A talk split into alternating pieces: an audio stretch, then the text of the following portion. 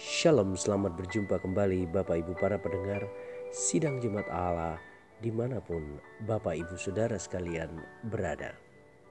Saya percaya Bapak Ibu Saudara sekalian dalam kondisi yang sehat, diberkati oleh Tuhan, dipelihara dalam segala kebaikan, serta kemurahan Tuhan.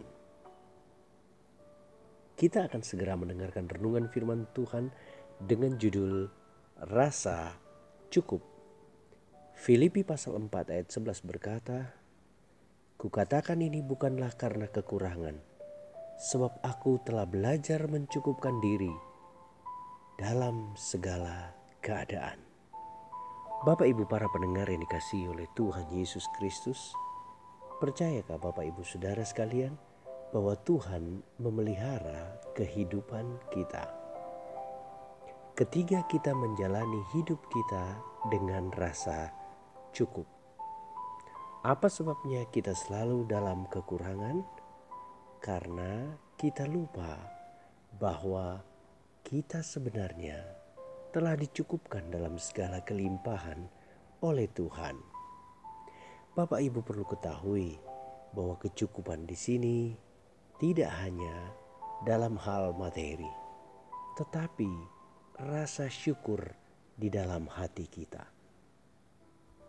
Kadangkala kita sebenarnya cukup dalam semua hal, tetapi otak, pikiran kita selalu berkata kita masih kurang. Kita masih kurang. Padahal semua telah Tuhan sediakan. Tahukah Bapak Ibu Saudara, Rasul Paulus merasa cukup bukan karena dia dalam keadaan kekurangan, tetapi justru dia belajar mencukupkan dirinya dalam segala keadaan.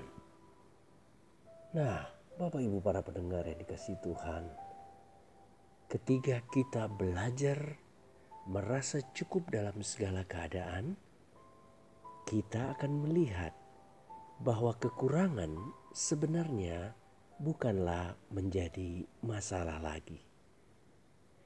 Kenapa kita selalu berpikir tentang kekurangan? Karena fokus kita tentang apa yang belum dipenuhi. Tetapi kalau fokus kita pada Allah yang selalu mencukupkan kebutuhan kita, kita akan selalu berkata, "Tuhan sudah menyediakannya, Tuhan sudah melakukannya." Nah, Bapak Ibu Saudara yang dikasih Tuhan, apakah penyebab stres dan tekanan nomor satu di dunia ini? Ya, rasa kurang. Selalu ada yang kurang. Nah, ketiga itu terus mengisi pikiran kita, kita menjadi tidak dapat tidur dengan nyenyak, kita menjadi terganggu, hati kita tidak fokus, dan kehidupan kita seolah-olah tidak ada damai. Ada yang kurang di pekerjaan, ada yang kurang di rumah tangga, ada yang kurang ada yang kurang di sini, di sana, ada yang kurang di gereja mungkin.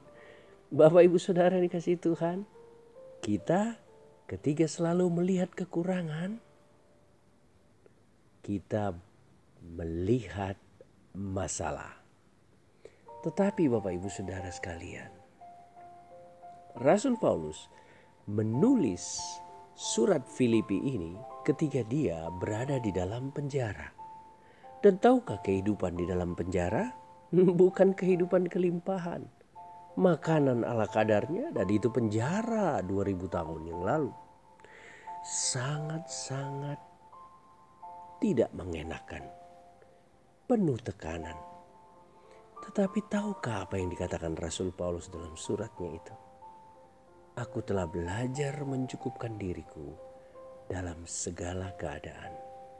Aku cukup. Luar biasa.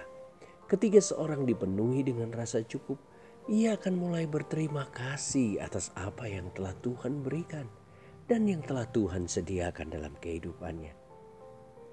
Dia tidak akan pernah lagi menuntut, memaksa, menekan, atau mengintimidasi. Kenapa? Karena Rasul Paulus menandai kehidupannya dengan rasa cukup. Tahukah Bapak Ibu Saudara banyak pertengkaran dimulai ketika ada kekurangan di tengah keluarga? Tahukah Bapak Ibu Saudara sekalian ketika kekurangan menjadi fokus kita? Maka kita akan melihat kekurangan suami, kekurangan istri, kekurangan anak-anak kita. Dan berbagai macam hal. Tuhan tidak ingin kita selalu berfokus pada kekurangan. Dia mau kita berfokus kepada rasa cukup. Dan rasa cukup itu adalah rasa puas yang telah Tuhan sediakan. Penyebab kesulitan kita adalah kita tidak pernah puas. Kita ingin lebih dan lebih.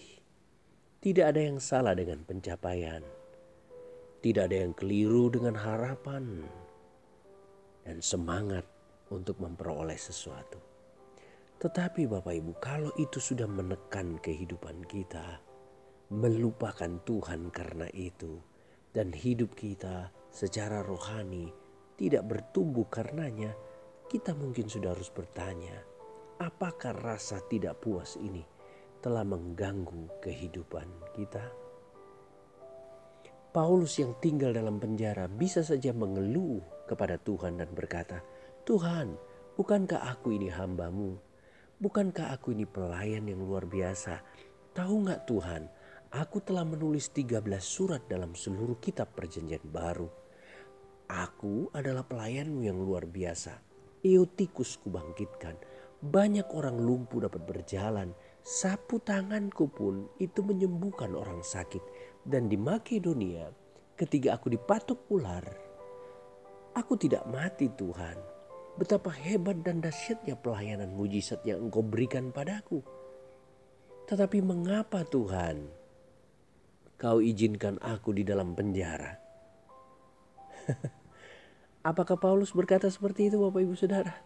Tidak. Dia justru berkata, bersukacitalah. Aneh bukan?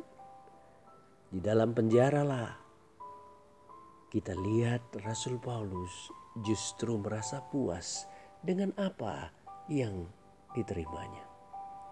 Tahukah Bapak Ibu sesungguhnya kemiskinan yang sejati adalah apabila kita terus merasa kurang. Sekarang periksa diri kita. Apakah kita sedang memiliki mental miskin seperti ini? Selalu merasa kurang, kurang, dan kurang. Padahal Tuhan sudah memberi segala-galanya. Tuhan sudah memberi kesehatan kuat dan panjang umur. Tuhan sudah memberi pekerjaan yang berjalan dengan baik. Bapak Ibu mungkin punya segalanya. Tapi kalau kita dalam kondisi yang selalu merasa kurang, berarti mungkin kita tidak kekurangan secara materi tapi mental kita, pikiran kita hidup dalam kemiskinan. Nah, Bapak Ibu Saudara yang dikasih Tuhan, biarlah hari ini kita merasa puas. Kita merasa syukur atas segala kebaikan Tuhan.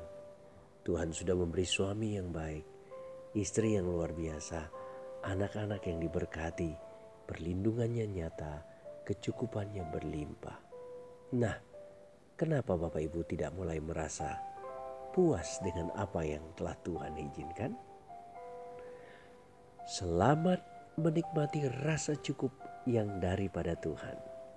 Tuhan Yesus memberkati kita hari ini, sehat kuat dan panjang umur, menjadi bagian Bapak Ibu Saudara sekalian. Shalom.